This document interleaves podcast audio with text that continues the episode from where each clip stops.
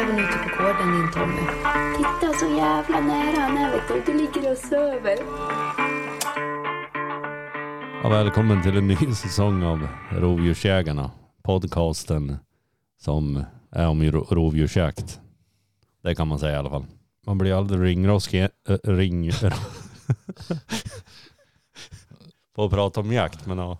Någon ringmuskel var det som höll på att komma ut men ja den var rostig. Den, den lät inget bra i alla fall. Det var något. Det var ju jul vi spelade in sist typ.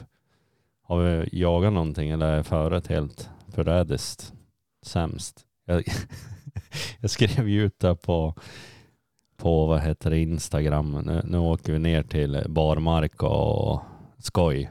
Och sen så kräksnöre när vi åkte ner. Ja, största Typ. snöflingorna som vi har sett den här säsongen. Ja. Och typ tio minuter efter jag skrev nu åker vi till barmark och skoj. Fast det var, vi kom bara till skoj egentligen. Ja, Ja, det var, vi fick ju små, eller var det barmark någon dag? Fan var det? Knappt. Och lite snö varje dag va? ja. Som vart kvar i alla fall. Hur gick våra norrländska spjutspetshundar då? ja de var ju hemma. Så. ja, ja, det, ja, det, jag hade med mig Murray och, och eh, Brasse här då. Ja, jag hade bara med mig Bella och så sen terriersen. Jo, Det gick väl bra. Över förväntan skulle jag väl vilja säga. Ja, det började väl med att vi träffade Fader Jerry, Strid och ja, Samuel och någon mer också som inte jag kommer ihåg namnet på i alla fall. Nej men vi jagade på Jerrys marker och ja, ja vi kan väl säga det egentligen för vi såg ju en räv jättenära, alltså på grannmarken. Och där släppte vi lös Brasse sen. Eller i anslutning i alla fall till det. Och det är ju ingen hemlighet för han såg oss markägarna. Så, och där skulle det vara jaktprov till helgen. Men vi såg ju upptaget på räven och ja, det Och- buktade tätt. Räven och det var ju bara hundträning så det gick bra. Ja, precis. Det var hundträning. Vi fick faktiskt lov att skjuta eh, räven också, men ja. Ja, Eftersom han skulle gå prov på den marken och så kändes det väl inte så schysst. Vi hade ändå prov, lite lån, lånade marken eh, utan att fråga lite grann. Men eh, det gick bra. Eh, det var roligt. Det vart, jag kommer inte ihåg om det vart typ kanske nästan tre timmars drev, jag vet inte. Jo, det vart Så att det var hans bästa dagsdrev i alla fall. Eh, drev i dagsljus. Ja, ja Och, det buktade ju som fan. Så. ja, ja, det verkade i alla fall under den tiden vi var där eh, på senhösten eller vad man kan säga på tidig vår. Nej, Vinter kan man vinter. säga. Vårvinter. Vårvinter är mer korrekt. Nej men eh, det, det, jag tror känslan är väl att det buktar mycket där då. Har jag fått en känsla av i alla fall. För det, har det gjort varje gång vi har varit ner egentligen. Och vi har varit ner, jag eller jag har ju följt med ner mest som i februari, ma- mars då, eller februari. Mm. Eh, och då har det varit eh, mycket böktningar. Ja, inte där man är van. Nej, även fast det finns böktande drev här hemma men det känns, det blir lite oftare där kanske. Ja, framförallt så blir det ju mindre område. Jo, det är väl att den är he- hemmahörande på ett mindre område, rä- rävarna eller räven man får tag i kanske. Finns Ja. väl en viss risk. Ja, de har större revir här eftersom de är lite glesare med det här. men eh, man kände också svårigheten där nere var väl den mängden, ja det är svårt att jaga in en hund där. Det fick man ju lite eh, uppfattning nu.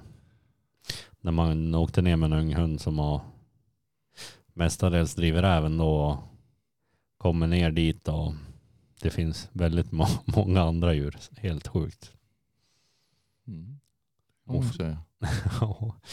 man går i ett rävspår på en ganska färsk räv, eh, räv- synopsis då, och går in i, från läggda till skogen och i skogen är det liksom hur mycket spår som helst. Ja. Det synes lika färskt som det där spåret. Och, ja. Och så bomsköt jag också på en drevre. Ja. Ja, det gick ju bra. Ja, oftast så brukar det gå bra att bomma. Ja. ja, det var väl inte ett gyllene läge men när man har ammox i det var ju inte svinlångt heller men det vart ja, Under 300 meter. Ja, det var ju under 300. Jag vet inte vad de har spesat för ammox men det, det, det var väl kanske det längsta laget framifrån i alla fall om det var till vanlig hagel. Men nu hade man ammox i så då försökte man och det, jag tror det tog lite, det var precis en liten kulle där, vad ska jag säga, en sten eller vad det var, någon mossbeklätt jävelskap. Så att jag hade lite lite att sikta på. Troligast så tog det väl den största delen av svärmen lite, lite lågt där. Ja. Den springer nog en Ja, den försvann ju. ja, ja, den försvann. Mys det var lite mystiskt. Ja, ofta så blir det ju ändå. Det vart någon, någonting med räven i alla fall för att både Bella som drev den och var det Tuff han släppte på Samuel. Jag vet inte vilken av hundarna. Ja, jag men- tror, jo, jag tror att det var tuff. För Ja. Var skadad. Men det var det jävla konstigt egentligen. Både från Bella har ju drivit den flera timmar och helt plötsligt efter jag skjuter på den då får hon problem. Mm. Precis som att den liksom gick upp i rök. Och li- likadant var det också för Tuff. Ja. Sen fick ju han tag i den där, men det, är- det är ju omöjligt att säga. Det var ju inte liksom, han spårade ju inte från skottplatsen i alla fall. Det gjorde han ju inte. Om det var den räven eller någon annan, det vet jag inte. Nej, det vet nog ingen. Nej. Nej, så är det ju. Finns det något mer att prata om angående våra fadäser? Nej, det är väl du var så säker på att Murray drev rådjur och Ja just det, det är också. Nej men på något sätt, Murra har väl stått lite skymundan tack vare att man har försökt jaga så mycket som möjligt med brasse. Och också eftersom föret har varit kast här då länge, väldigt mycket snö, så har man ju inte släppt någon hund. Och han var ju inte släppt svin mycket heller. Så ja, ja, det var ganska roligt för först släppte man på någon åtel och då, han mäktade ju inte med att ta någon, det vart ingenting av det. Inte för att vi stannade kvar där just något länge heller men i alla fall en 40 minuter kanske. Sökte väl så bra som han gör och så när jag skulle ropa in honom så kändes det som att han, ja jag vet inte, tog upp eh, nästan i rådjur som man förmodligen borde ha vetat vart de är direkt, nästan direkt tänkte jag säga. Efter bara några minuter så tar han upp dem och ja, jag höll ju på att dö också när jag skulle ta honom. ja. Ja, det var ju isgata under snön där så jag liksom, ja, jag ringde både veterinär och allt jävla möjligt. 112 polisen och länsstyrelsen för att jag eh, tappade andan när jag gjorde en jävla kullerbytta där på isen. Låg där och simma. Ja, ja jag kommer inte, kan inte komma ihåg sist man tappade andan var ju Pölkbacken kanske. 95 eller något sånt där. Nu gjorde man det när man jagade efter hund och sen skulle sluta jaga rådjur då. Men eh, ja, Petrus behövde bara visa sig så slutade han ju. Kan man ju säga. Ja. Och, och sen så släppte vi på honom på eh, ja, ett färskspår då. Eh, det var ju lite trassligt ändå för att en annan hund hade varit där, eller Samuels unghund hade hållit på att jaga räv från och till hela den morgonen egentligen. Och så var väl han lite trött och inte visste riktigt, han vet ju inte riktigt vad han ska göra än men han känns ju som att han är i rätt händer och eh, han har ett stort in, jaktintresse i alla fall. Så eh, det blir nog bra men i alla fall släppte vi på eh, Murray där han slutade jaga och efter en stund så blir det ju drev. Och jag vet inte hur länge det hade gått, kanske en timme då. Eh, så kom, eh, kommer en hare hoppandes på mig typ från ja, typ böktområdet om man säger. Och Sen kommer typ, alltså 90 procent tog han det slaget tyckte jag. Alltså att han höll typ där. Så jag var ju helt säker. Och sen kom han ju fram till mig också. Eh, och det var ju där haren vände i stort sett. Så att jag var ju övertygad om att han att det var att han hade bytt eller att han hade drivit hare eller något. Men sen när jag gick in och spårade så såg jag ja, det var spår efter jättefärska spår efter alla slags eh, småländska djur eller vart det var. Det var ju hur mycket spår som helst i den där ganska nya snön ändå. Och jag tänkte fan jag släpper han ändå. Och då tog han ju och fortsatte och drev räv då. För då såg han ju sen Petrus. Ja. Såg den ju sen. Ja, och så stod man ju på fel ställe hela tiden och sen så kopplade man väl, tror jag, på och drev. Jo. Eh, kommer inte ihåg om vi skulle, skulle vi köra något gryt eller vad det var. Ja men det var ju nästan mörkt. Jo. ja. ja, så att, Sen var det ju bombsäker på André för rådjur en dag. ja just det. Ja, ja, och det det var en riktig kalanka. ja. Bara, ja men ja, då hade vi varit, då vilade ju Dubella så då hade jag löst brasse och då, och den dra- dagen drev han väl alla slags djur tänkte jag säga. Både hare och räv och eh, rådjur. Eh, så då för att få någon jakt där och det var väl mycket unghundar med på den jakten tror jag. Linus Johansson var av oss och i alla fall så, och då hade vi lite otur också. Det var där, vi släppte på en typ en timme gammal synobs brasse och då det var då det var så mycket andra spår i skogen så när jag släppte han så var jag ganska osäker på vad han skulle ta upp på. då gick, vart vi upptag nästan direkt och då gick han ju över en väg. Och så har man ju ingen ro i kroppen så att vi, ja, både, vi stod ju typ på, ja spåret som vi släppte han på egentligen, där det hade gått över. Så då for, vi och kollade vad det var för något och det var ju räv. Ja, under tiden vi åkte bort de här tio minuterna så gick ju räven över precis där då. Så att, ja, och sen så efter lite buktande där han hade hållit på då, då har han sprungit på en hare i alla fall och bytte den. Och sen så släppte jag om honom och vi spårade ju bara för att se vad fan han hade bytt och det kändes som att det var ganska nära passarna fast vi släppte på honom igen och då kom det ju rådjur och grejer. så det, det var ju bara att koppla han och prövade vi ett gryt som var tomt. ja. Det var ju typ kanske en, en ung hund som hade drivit in en, alltså de hade, han hade tappat bort en räv tror jag egentligen. Eh, det är det, och det är ju väldigt svårt där det var jättemycket, jättemycket djur i det här området så att, och bara i närheten av gryt hade han tappat bort räven och misstänkte han att han hade sprungit in där. Men i så fall, det kan ju ha hänt, men i så fall han sprungit ut. Jo. För det var ju det var inget pluggat eller något sånt. Så han kan ju ha varit där inne, det kan han ha varit. Men det dröjde väl över en timme säkert innan vi kom dit. Jo. Minst. Och sen så, för att få någon mer jakt då, eh, med någon mer rutinerad hund så släppte vi Murray eh, i ett område, eller i en kohage var det. Och det var ju mycket spår där efter alla jävla djur och jag, jag var ju helt säker på att han, ja det, det sjuka var att han tog upp efter typ en kvart, 20 minuter kanske och då gick jag in i, ja där det bökta egentligen, fram och tillbaks över en väg. Och då ville jag bara se vad det var för djur han drev. Det var ju min uppgift.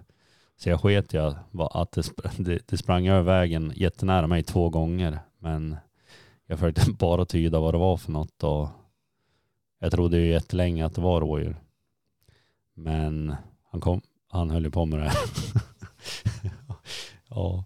Sen så hade man säkert kunnat skjuta den efter kanske en tio minuter, en kvart där då, men eh, så för den drog ju egentligen på långskjuts och sen började det bukta väldigt tätt. Men då började det också bli mörkt och, eh, och så var det på grannmarken men vi åkte väl in, vi fick väl lov att vara där också så att eh, ja, det var kopplad, kopplad i alla fall bra. Det var nästan för mörkt för att skjuta när vi kopplade i alla fall. Men idag ska vi i alla fall prata med en kille här som heter John Ros. Och han kan lite mer än, han har lite mer erfarenhet av lodjursjakt.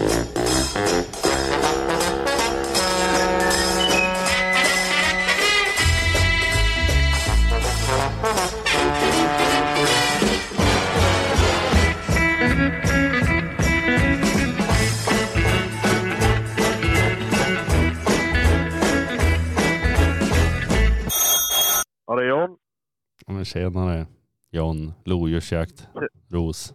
Hej. Hej. Ja, vi ringer i alla fall till dig och tänkte ha lite samtalsämne här med lodjursjakten som kanske närmar sig eller ja, kanske aldrig slutar hos dig, det vet jag inte. Nej. Nej. Vart det tyst? Ja. Nej men eh, lodjursjakt, eh, vad, hur kom du in på den då? Var det givet eller var det något som växte fram? Nej, det var, eh, var väl... Eh, ja, egentligen så är det ju Stefan Lindströms fel. Eh, för när jag var ung pöjk och kollade i jakttidningarna så såg jag ju att det var någon, någon gubbe som sköt lodjur för finstövare. Och då tyckte jag ju att det såg ju, såg ju fränt ut att man kunde ha en hund och jaga både lodjur och räv med. Så då när det började bli mer och mer lodjur här och det började pratas lite till höger och vänster om att det skulle bli licensjakt eh, framöver. Då så tänkte jag att eh, då lär man ju ligga i framkant och ha sig en finstövare om det ska bli några lodjur skjutna. Eh, då köpte jag eh, eh, min första egna stövare, Leif. Ja, han, Så på har, den vägen började att eh, man började jaga lite lodjur. han har du kvar idag också eller? Ja, han är fyra och ett halvt nu. Hur började du med jakten? Var det liksom, Jag är uppvuxen på en eh, bondgård så att jakten har ju varit utanför ytterdörren.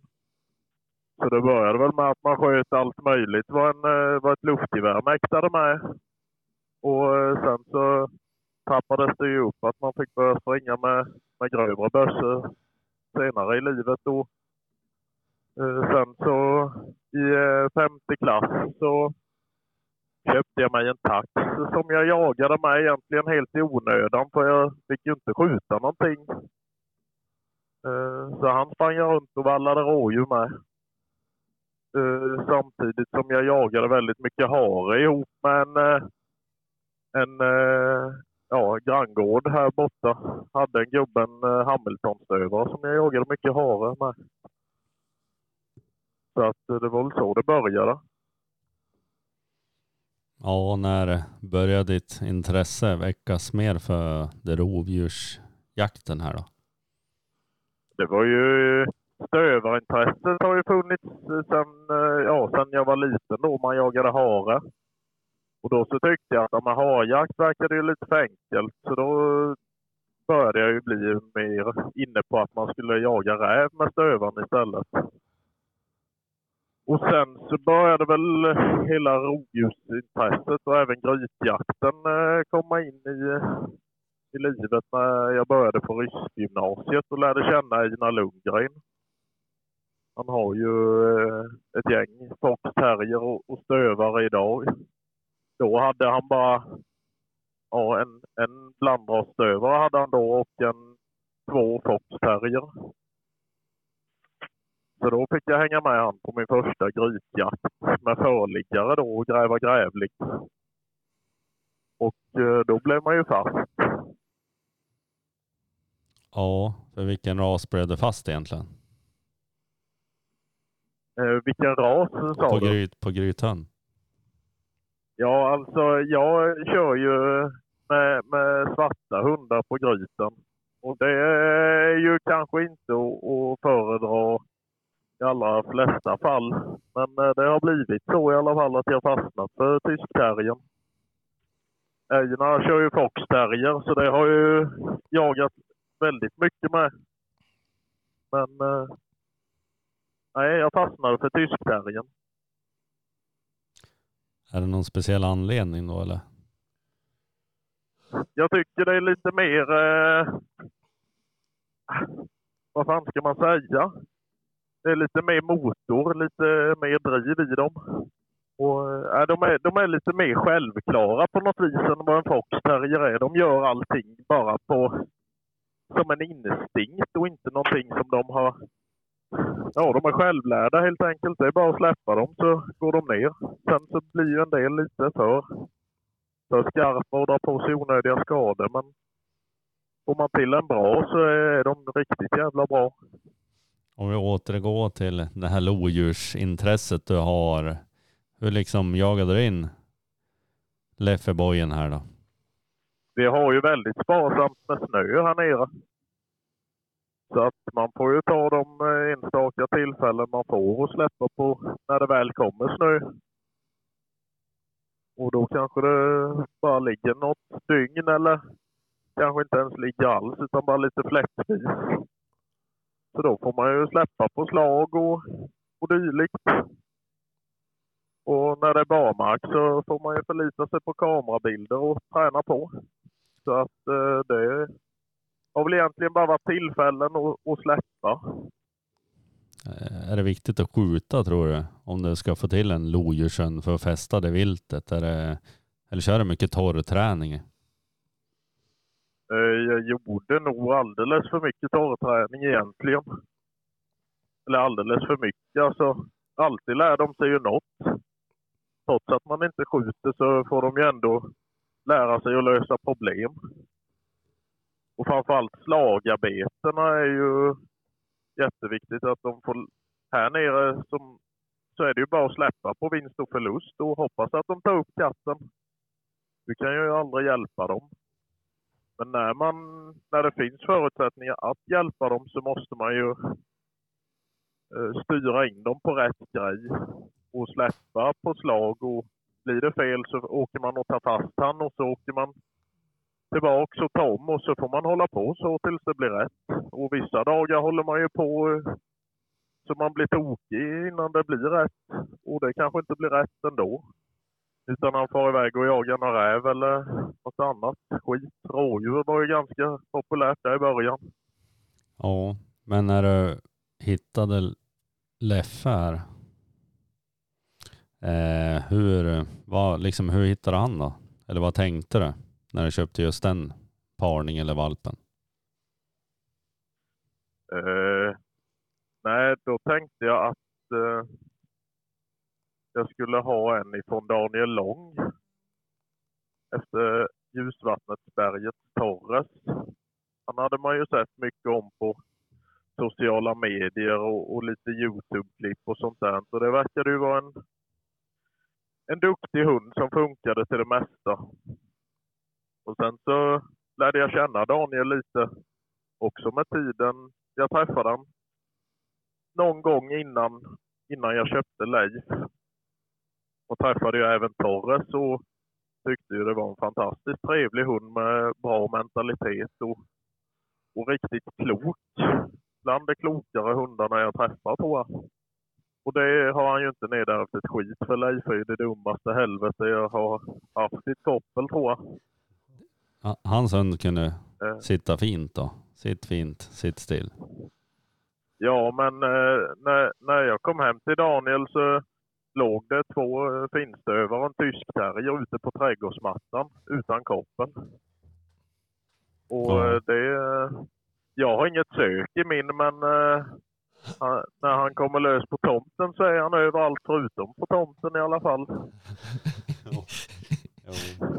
Jag känner igen det där. Jag vet inte om det är mer människobetonat. Men, men sen, Daniel är ju jävligt duktig hundgubbe, för annars så har man det ju inte så.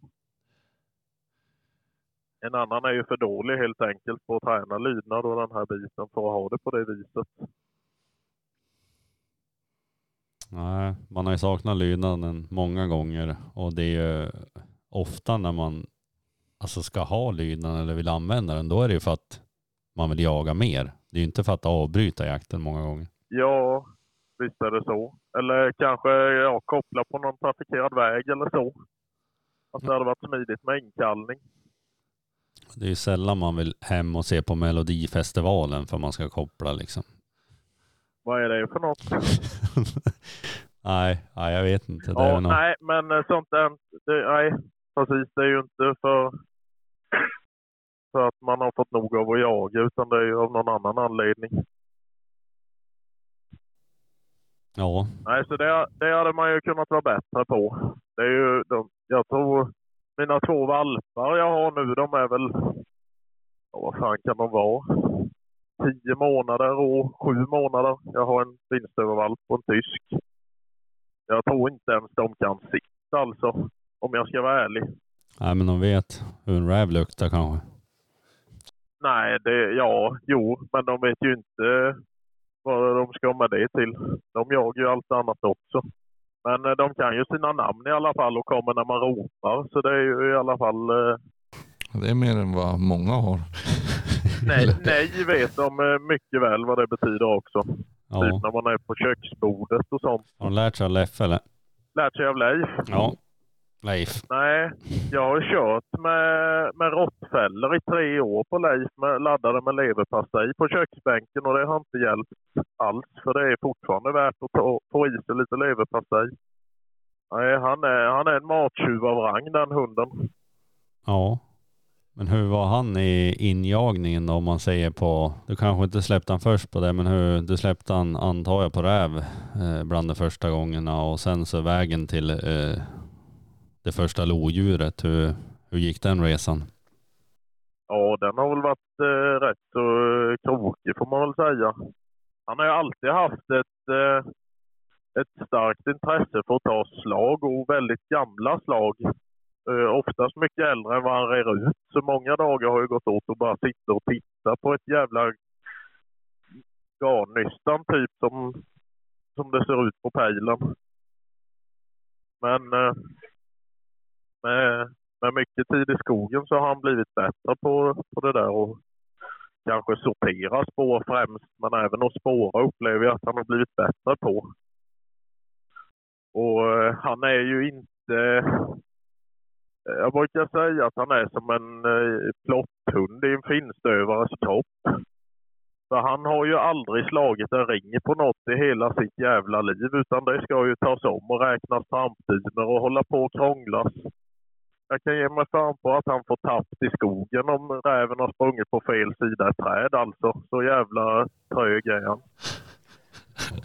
Men det, det har ju haft sina fördelar när man ska ha en till lodjur för han... Det blir ju sällan att han byter.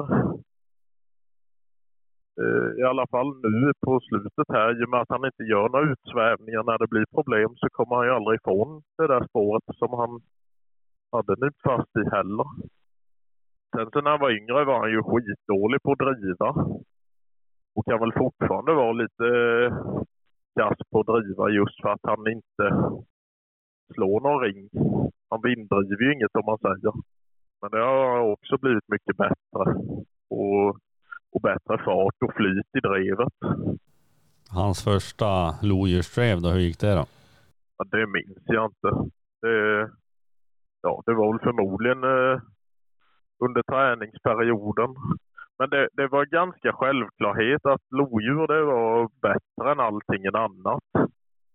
Och innan det så hade han ju testat på att jaga, jaga lite grävling. Det tror jag har varit nyttigt för lodjursjakten. Just det här att när katten stannar så är det inget konstigt eller onaturligt utan ja, men man står här och skäller till husse kommer. Det tror jag har varit jättenyttigt eh, att jaga grävling med honom. Så han, han har aldrig varit obekväm vad beträffande lodjur i alla fall eh, med att stå och skälla ståndskall. Eh, eller så fronta upp dem liksom. Det har aldrig varit några konstigheter där.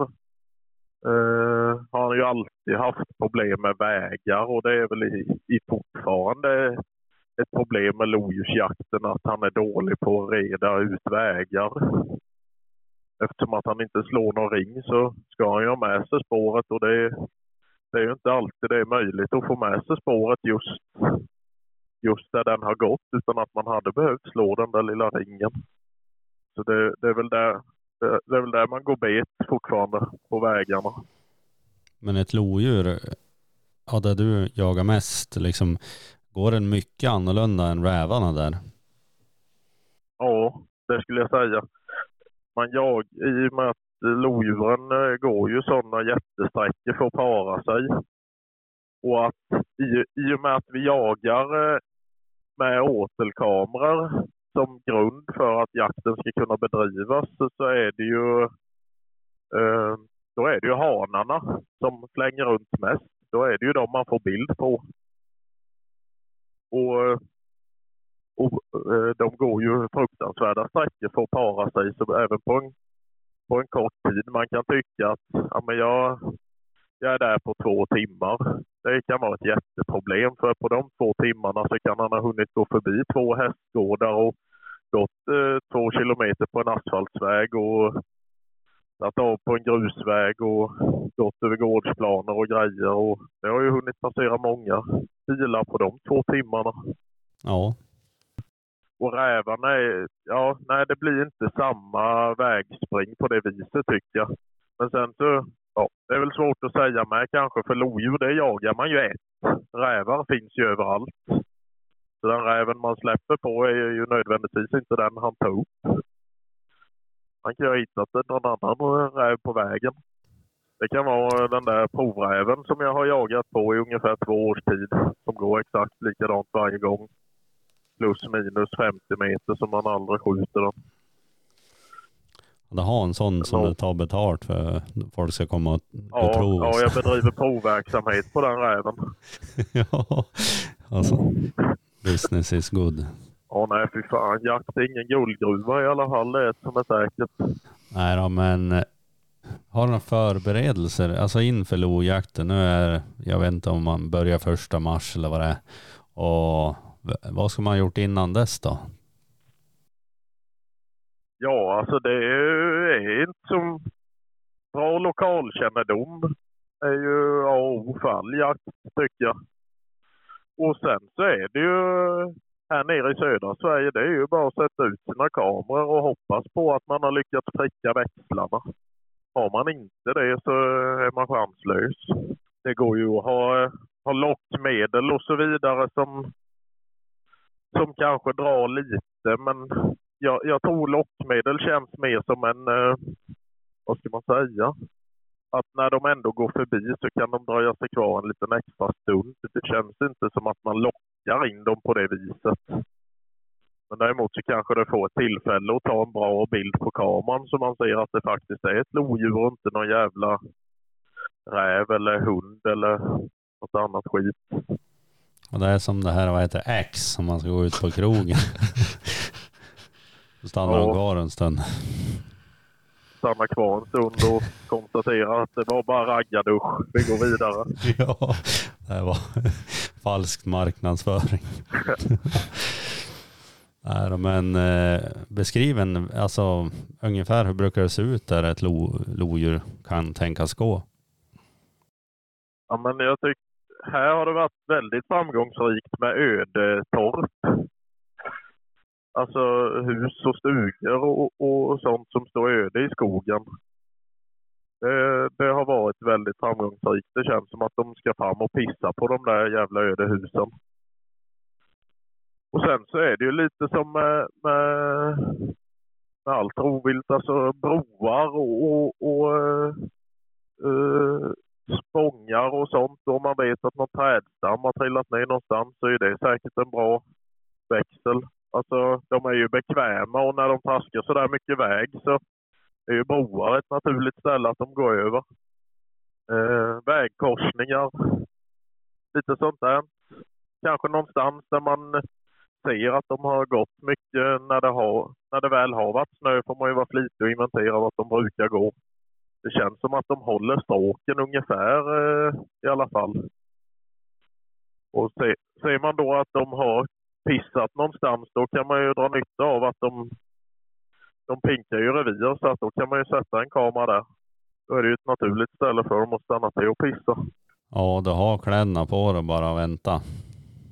Jag, jag brukar ta en frivecka och röja i skogen. eh, Eller ja, i år ska jag vara ledig hela månaden. Så brukar jag och röja i skogen under tiden. När jag går och väntar så får man ju någon nytta gjort. Är det ditt favoritdjur att jaga lodjur eller hur är det? Nej, nej.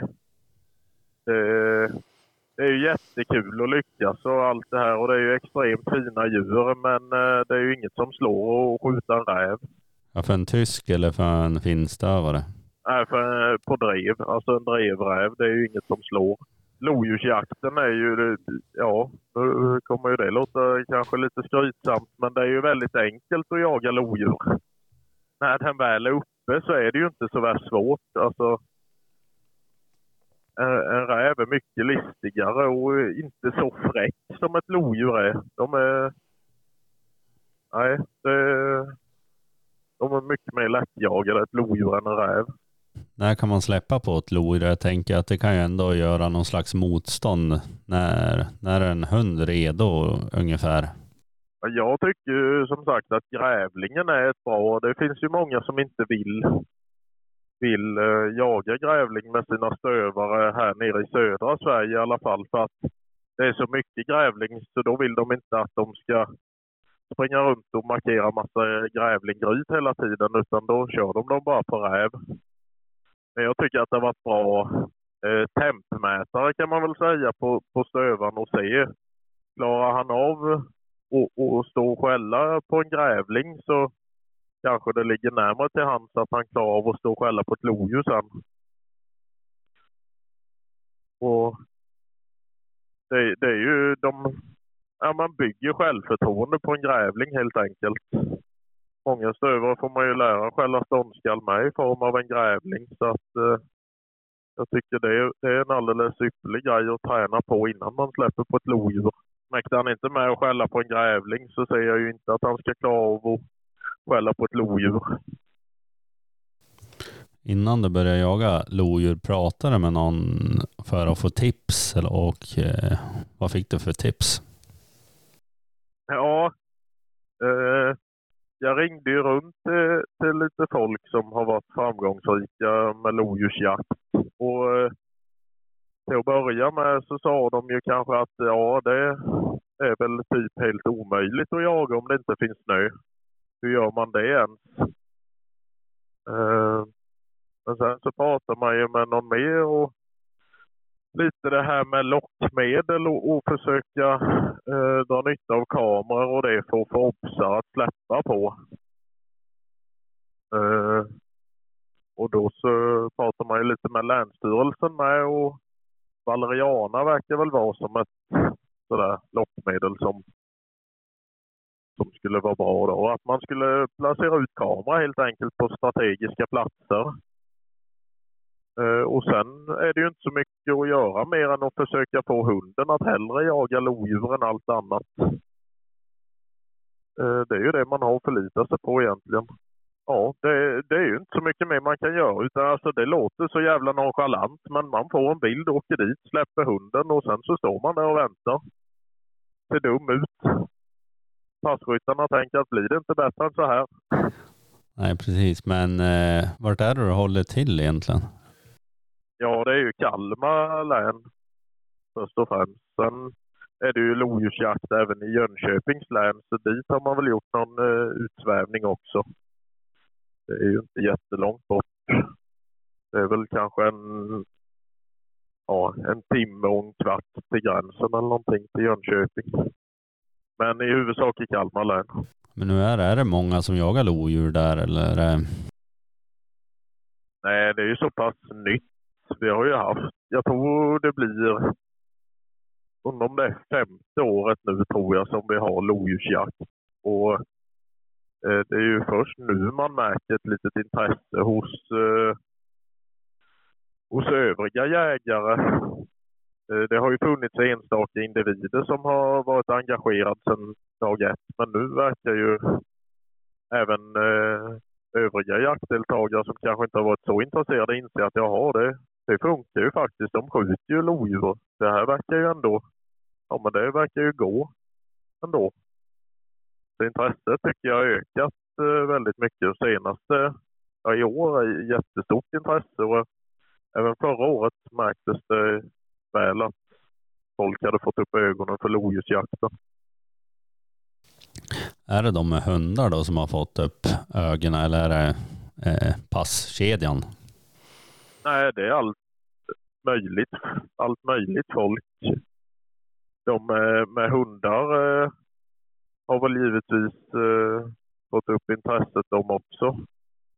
Det känns väl som att det är lite däråt generellt som Stövar-Sverige pekar att intresset för att jaga rov med stövare har gått upp rent generellt. I alla delar av landet känns det som. Ja, på alla ställen utom styrelsen i Stövarklubben har det gått upp. Ja, men de är ju glada i att jaga hare och grilla korv. Mest grilla korv tror jag, för annars så hade man ju avlat fram lite mer rävhundar. Ja, och kanske låta mm, stövarna få kunna få björnchampionat. Ja, det, det vore ju alldeles rimligt. Även införa lodjursprov som i Finland. Det håller ju liksom inte att sitta och, och skylla på eh, att eh, de inte har tagit fram något eh, prov för lodjur i Sverige. Nej, men det är ju bara att kopiera det de har i Finland. Det kan ju inte vara så, så mycket begärt tycker jag. Nej, det är ju ett tvåspråkigt land, Finland, så det lär väl finnas en Ja. översättning redan. Ja, de behöver ju inte uppfinna hjulet igen så att säga, utan de kan ju bara översätta det. Ja, Nej, det är synd att det är lite bakåtsträvare där, men eh, det blir väl ändring på det förhoppningsvis. Vad det lider. Det är de nog tvungna till om, eh, om stövarraserna ska överleva. Finnstövaren känns ju som att eh, det ser ganska, ser ganska ljust ut. eh, Och även skillen, men eh, och Smålandsstövaren känns med som att den har fått ett uppsving sedan man började jaga stora rov med dem. Men som Hamiltonstövaren och Luzern och, och de här lite mindre raserna känns ju som att de har ju eh, lite att bita i. ja, det blir väl alla får väl att bita i när det blir bakåtsträvande. Tyvärr. Det känns ju som att det har delats in sig lite i, i, i, två, i två läger i stövarvärlden. De som vill eh, jaga rov med sina stövar och de som inte vill det. Och det går jävlar inte att samarbeta över gränserna utan man Nej. målar in sig i ett litet hörn. Jag förstår liksom inte vad det är som är så jävla svårt med att bara eh, Ja men vill du jaga hare med din hund? Ja men fine, det går ju jättebra. Det är väl, gör det. Men eh, jag vill inte jaga hare. Eller du vill inte jaga hare. Och då kan det ju vara kul att kunna få gå något prov på andra saker. Och Ja, och- bättre liksom att ta fram provformer för den jakt som alltså är tassjakt om man nu säger så och låta folk jaga det istället för att sitta och gnälla på att mm, det importeras så mycket raser och inte används nordiska. Ja, men det, det tror fan att folk eh, lika gärna importerar en plotthund för att jaga björn och slippa få... Eh, dels kanske de är lite mer avlade för det, men det finns ju inget som säger att vi inte kan avla fram en, en nordisk stövare som är lika bra och kan även bli bättre på att jaga björn. Eh, Det, det är ju rasklubbarna som sätter gränserna där och tar de avstånd ifrån att man ska få gå prov på björn, då har, har de ju... Ja, då, det talar ju sitt tydliga språk för att det kommer ju förmodligen inte att kunna konkurrera i framtiden om de inte släpper på det. Nej, exakt. För det är ju trots allt ingen som är intresserad av att gå och jaga rådjur med hundarna. Så det är liksom, Nej, och hittills har jag nog inte träffat eh, någon stövare som har blivit... Alltså, de slutar ju inte jaga räv bara för att man skjuter eh, vargar och lodjur och björnar för stövarna. nej men det är ju så simpelt. Hur många kan hålla en, en stövare för att jaga lodjur? Det, du måste ju jaga räv. Nej, och sen så har man ju avlat på rådjursrenhet. I alla fall de sista 50 åren. Och så vitt jag vet så är det inte många stövare som föds rådjursrena. Så då ska jag nog gå och jaga hare med dem också. Exakt, det brukar ju finnas en tendens till att det går. Så länge jaktlusten finns där så kan man nog jaga både hare och björn med sin stövare. Jag tycker så länge man inte, ja man håller sig som till tassdjur eller som man inte börjar jaga eh, gris eller något sånt där så tycker jag att det ska bara främjas. Ja, det, det finns ju, känns ju dock som att folk börjar, börjar jaga vildsvin med, med stövare. Framförallt de amerikanska raserna kanske. Ja, men det känns ju som att det är väl ändå i min mening lite fel i alla fall på en finstövare som börjar. Ja, sen är det säkert jättebra för att främja den här skärpan som kanske behövs till ja, främst björn då tänker jag, men det, det, det, det känns fel i alla fall. Då kan man ju lika gärna, då är man ganska nära all klövvilt helt plötsligt. Ja, jag kan väl tycka att det är lite... Eh, alltså visst, det är ju, det är ju kul och, med drev och så av alla dess slag. Men jag kan väl tycka att en stövare är ju inte särskilt ämnad på att stå och skälla ståndskall på ett vildsvin. De, det är ofta tät vegetation där grisarna stannar och, och en stövare, ja, de är ju inte så jävla alerta alltid kanske. Eh, och inte särskilt smidiga heller. Det känns ju som att det blir mycket skador på dem när de jagar vildsvin med stövare. Ja, det är ju tyskarna lite lämpligare. Ja, jag tycker nog det. Och jag menar, det, det säger ju sig självt. Som min stövare, han väger ju 37 kilo ungefär. Springer en gris på han så är det ju lite motstånd man har. Alltså det är ju lite vikt bakom beten så att säga. Däremot en terrier på 7-8 kilo, han bara flyger iväg. Beten hinner ju inte ens... Hinner ju knappt nudda dem innan de flyger iväg istället. Nej, så är det ju. Det är fysikens lagar. Ja visst. Din bästa lodjursjaktsminne? Jag funderade lite på det där. Eh, eh, du skickade ju innan att jag skulle klura lite på mitt bästa jakt, eh, lodjursjaktsminne. Ja. Och eh, jag funderar väl, hade någon...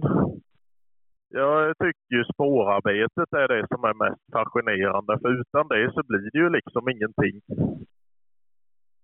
Och förra året så hade vi hade vi eh, en bild på en katt och vi kom dit eh, eh, fyra timmar, fyra, ja, fyra timmar typ efter eh, bilden. Och då så skilde det väl ungefär 15 grader från när bilden togs till att vi var där.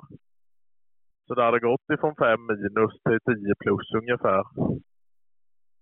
Och eh, i mars här nere så är vägarna torra och dammiga och dana. Så det, det var ju... Det bara röker när man körde med bilarna.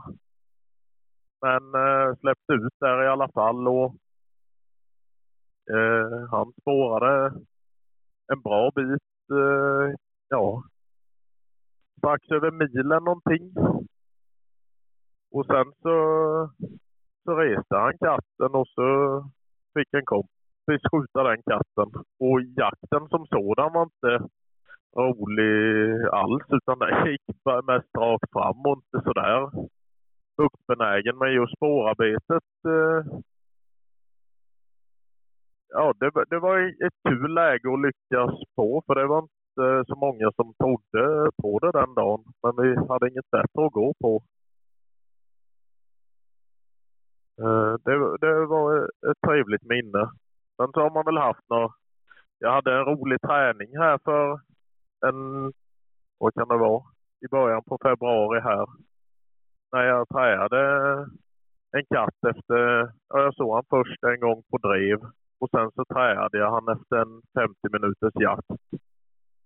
Och sen så klättrade den ner ifrån trädet och så träade jag den en gång till. Och då...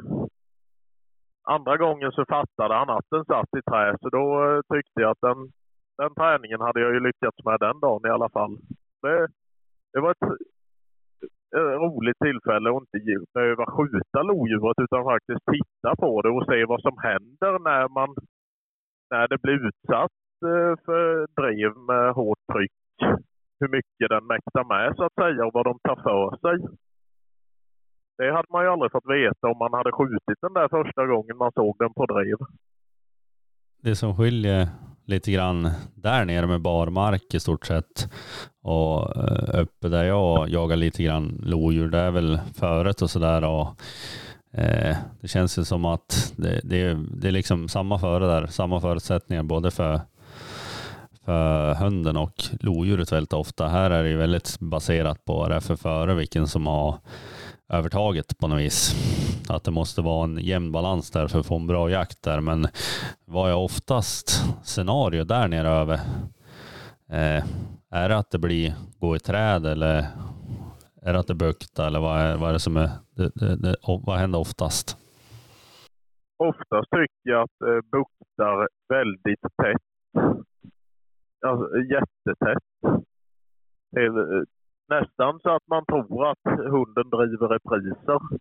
Så tätt buktar det. Det kan ju, alltså en timmes jakt på 10 hektar, det är ju inte, det är ju inte jätteotänkbart. Det går ju liksom i, det känns som att katten går till en vegetation där den, där den ser, eh, där den ser att den har en fördel och sen så buktar den där.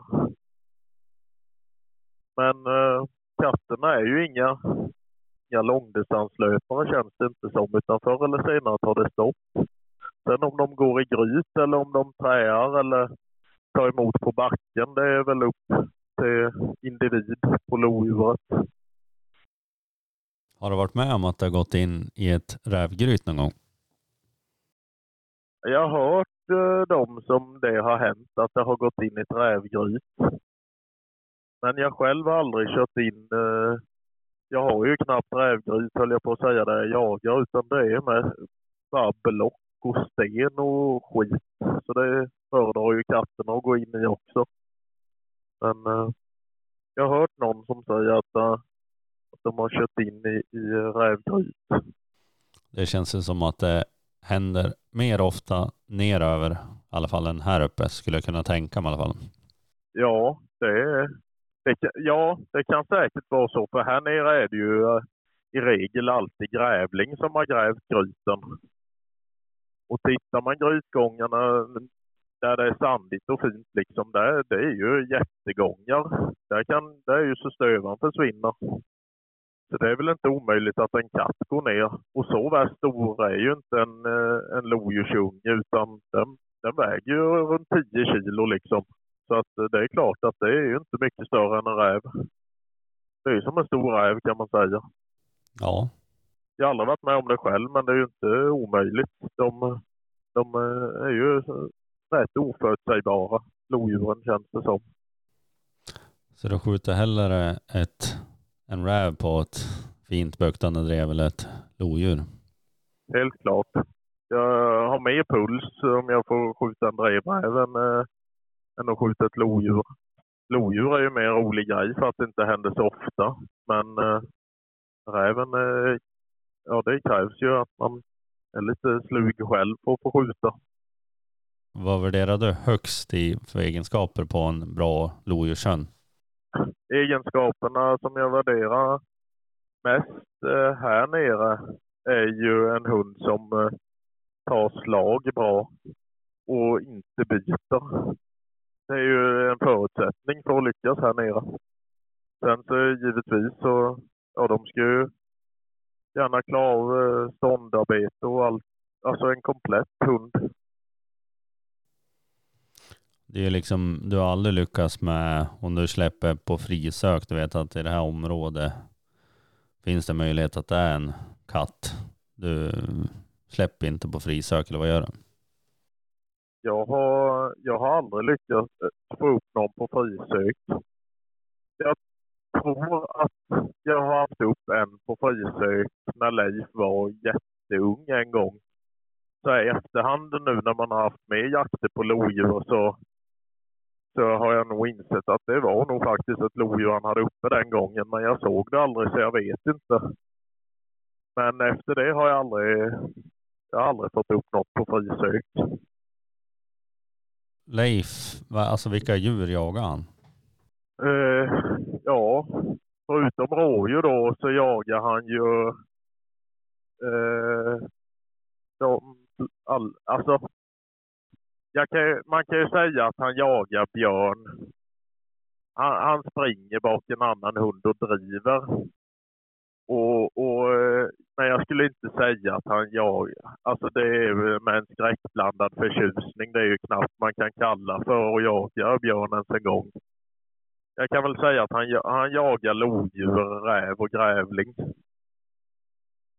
Och mård, det rer han inte ut. Så det har jag, alltså det är han så dålig på. Så det, han fattar ju fortfarande inte eh, vad en trämarkering är när vi har hållit på med så jävla med katter och det har han inte lärt sig än. Så då, han kommer ju aldrig lära sig att trämarkera en mård heller så det är ju bara att lägga ner. Men han var med på en björn där uppe i, om det var innanför Sollefteå eller vart var det? Ja. Han, eh, då var han med ihop med en kompis hund. Så att vi lyckades eh, pilla upp en och, och få skjutet för dem. Så det var kul. Det var, det var första björnen för båda stövarna. Så att eh, det var ju riktigt kul. Det, det var lite overkligt faktiskt. Det, det trodde jag knappt. Jag hörde inte när de sköt så jag tänkte att nu har de väl kopplat dem på älg eller någonting. Man är ju eh, rätt så optimistisk av sig så att man antar ju alltid det värsta. Jo, man, man är ju det när det kommer till egna hundarna så är det ju alltid worst case scenario. Ja, men det, det är ju lite som med lodjursjakten här. Och vad fan, där, där hade vi en skit och här nere har vi en kamerabild och sen så släpper man och står där och tittar på varandra som två jävla fån och vet ingenting om någonting. Eh, oddsen att de tar upp vad som helst utom en björn känns ju större än att det blir så. Jo. Men då gick ni och spåra, alltså ni hittade ju en skit och det var ju inte någon sån här eh, fabricering utan det var verkligen en skit och ni gick och spåra eller hur, hur gick det till? Ja, det, det var någon gubbe i grannlaget där som hittade en skit. Och vi vet ju inte hur gammal den var. Förmodligen inte jättegammal för björnen låg ju inte så där värst långt bort. Men eh, vi började spåra med, med eh, eh, min kompis finstövare där. Eh, han, är rätt, han är rätt så övertydlig och går med i band. Han går ju och gapar som, han är som en jävla plotthund kan man säga. Han, så fort han är i spåret så går han och gapar. Så vi bandade på med han tills vi tyckte att nu, nu gick vi nog fan upp björnen. Eh, så då släppte vi lös och sen så jagade de på den i 45 minuter, en timme någonting. tror jag det var. Och sen så sköt de björnen, en passkytt. Så att, eh, nej det var, det var riktigt kul. Det Kändes som en milstolpe. Ska man väl eh, bara lyckas skjuta en själv också så hade det ju varit, eh, varit eh, riktigt kul. Men eh, planerna är nästa höst, eh, kommer du norrut och jaga diverse rovdjur eller? Ja, men det blir väl en, en sväng norrut i augusti och försöka, försöka eh, uppfylla drömmen om att skjuta en björn för egen hund. Det hade ju varit riktigt häftigt. Och sen så för alla nu som lyssnar på podden som känner mig som kommer att sitta och säga nu vad fan han har ju skjutit bom på två björnar.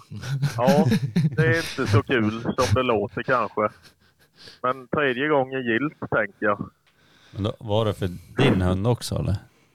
Nej, nej jag har bommat för Erik Sjöbergs hund en gång och, och för en annan kille med plotthund en annan gång. Så att, eh, ja. Snara, snaran har aldrig varit så nära till hand som när jag bommade nu sist i alla fall. Ja, vad hände då? Nej, men eh, ja, nej, jag sköt bom helt enkelt. Ja, vad målande beskrivning. Du vill, Tack. inte, du vill inte tänka något mer. Tänka tillbaks på. Nej, det, var, det, alltså det är så eh, jävla tragiskt. Eriks jämthund eh, kom ju med den där björnen i, det hade varit gångstånd bara för en liten bit bort sen och sen så blev det sken emot mig. Och det lät ju som någon jävla traktor brakade fram genom björkskogen. så stod jag liksom redo och tänkte att när han kliver ut i den där eh, basvägen där, då ska jag nypa till honom. Men eh, när den hoppade ut i, i det där skotarspåret var ju inte alls björnen där punkten var så att då blev det ju jättefel och sen så eh, fick en kompis skjuta den istället. Så att eh, den björnen mättes väl in till en 227 kilo tror jag den vägde och eh, blev en skaplig guldpeng så det var ju jättekul. Det, det tåls ju tydligen inte att upprepas tillräckligt utan man får ju höra det ganska ofta. Och du har väldigt bra kompisar då. Ja, tyvärr så är vi ju ganska bra kompisar så jag får ju höra det ja, typ varenda gång man har skjutit bom på någonting efter det så får man ju höra det. Kom du ihåg den här björnen? Ja, Ja, fy Nej. fan. vad ska man med ovänner till när man har vänner som dem? Som jag brukar säga. Jo. ja. Nej men du får se till att ha ställt in rörpunkten rätt då när det kommer en för din hund. Ja, jag får la skjuta med ammox eller något. Det stryker folk upp så förbannat. Då är det lite mer spridning. Jo. Ja du har prövat, alltså när man jagar lodjur, vad använder ni för något? Är det hagel eller är det kula? Ja, innan så har man ju kört med vanliga blyhagel. Typ treor eller tvåor eller något. Men eh, nu så i och med blyförbudet så, så lär det väl vara amok som gäller, tänker jag. Om man inte vill eh, köra med, med kula. Eh, själv är jag ju inte så jävla bra skytt på vare sig kula eller hagel så jag tänker att jag kör med hagel så har man ju lite vingelmån i alla fall. Jag får köra med halvautomat, har i alla fall tre stycken. Ja, nej, det där rasselrepeterna det kan ju några sämre folk hålla på med. Ja, då kan jag med två vapen så jag kan skifta snabbt. Och... Jag kör ju med drilling va. Det är ju lite dyrare, lite bättre. Ja, ja, ja. Eller, ni, Jajamän. jag har ju en stor bondgård och Ja, ja. Man, eh, man lär ju ta ut arvet i förskott. jo. Ja. Ja, vad gött. Har du skjutit något mycket med ammox? Det är ju flera, när jag ställde den här frågan inför den jävla avslutande säsongsavslutningen, då var det några stycken som undrar just det. ja, jag har eh, testat att skjuta lite med ammox och jag har väl kommit fram till det att eh, håller man inte rätt så blir det inget oavsett vad man skjuter med. Så att eh, Ja, men det, det brukar ju vara som Eh. ett genomgående tema. ja, det, det är röd tråd genom skytte tänker jag. Eller hela, hela vårat liv. Ja. Nej, Ja. men jag, jag tror det, det är nog en jäkla eh, skillnad. Eh, Det känns som det i alla fall. Och de man pratar med som... Alltså ja, det är ju så hemskt att säga. Förra året sköt jag inte en enda drevräv. Och jag tror det sköts typ två drevrävar för Leif på hela förra säsongen. Och eh, då sköt vi ju några lodjur, fler än två. Så att rävarna är ju svårjagade alltså. Men de som skjuter mycket drevräv säger att ammox ska vara bra i alla fall. Ja, Ja, jag har skjutit ett skott med ammox så det var ju bom. Det var Ja. nu, nu när jag var ner. Jag Och det, jagade det var väl säkert under 10 meter också eller? Nej men det var väl eh, ja, 35-40 i alla fall. Men det var ju helt framifrån också. Så då, Ja, Det var bara för att det var min hund som drev. ja ja. ja. Annars hade man siktat lite extra och stått helt gömd.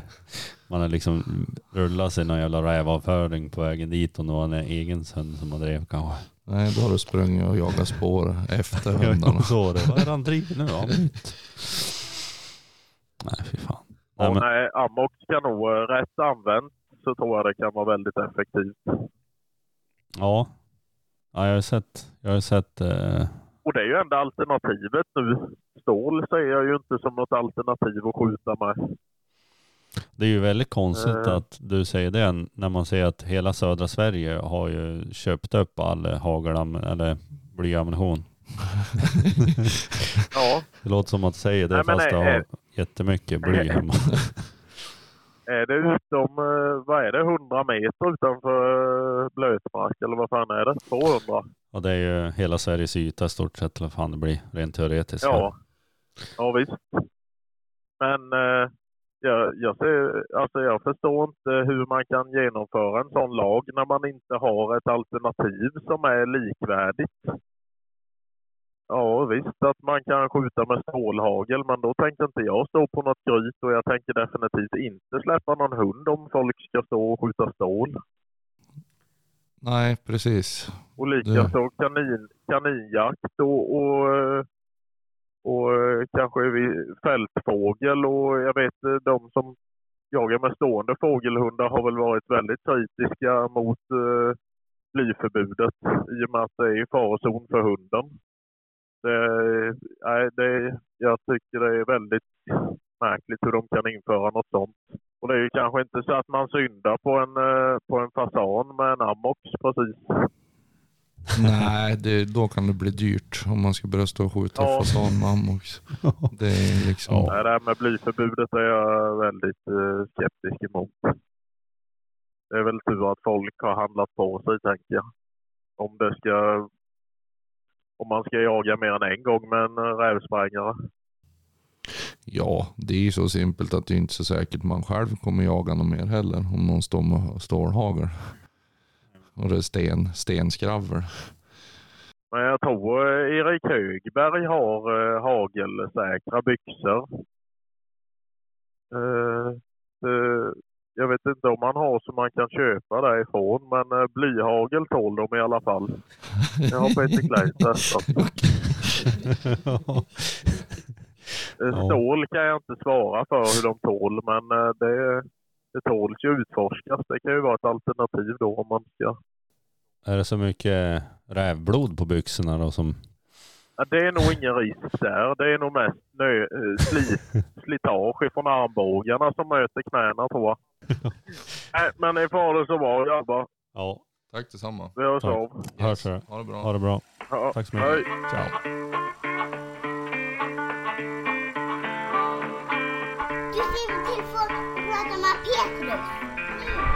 Jag, du jagar och jagar. Du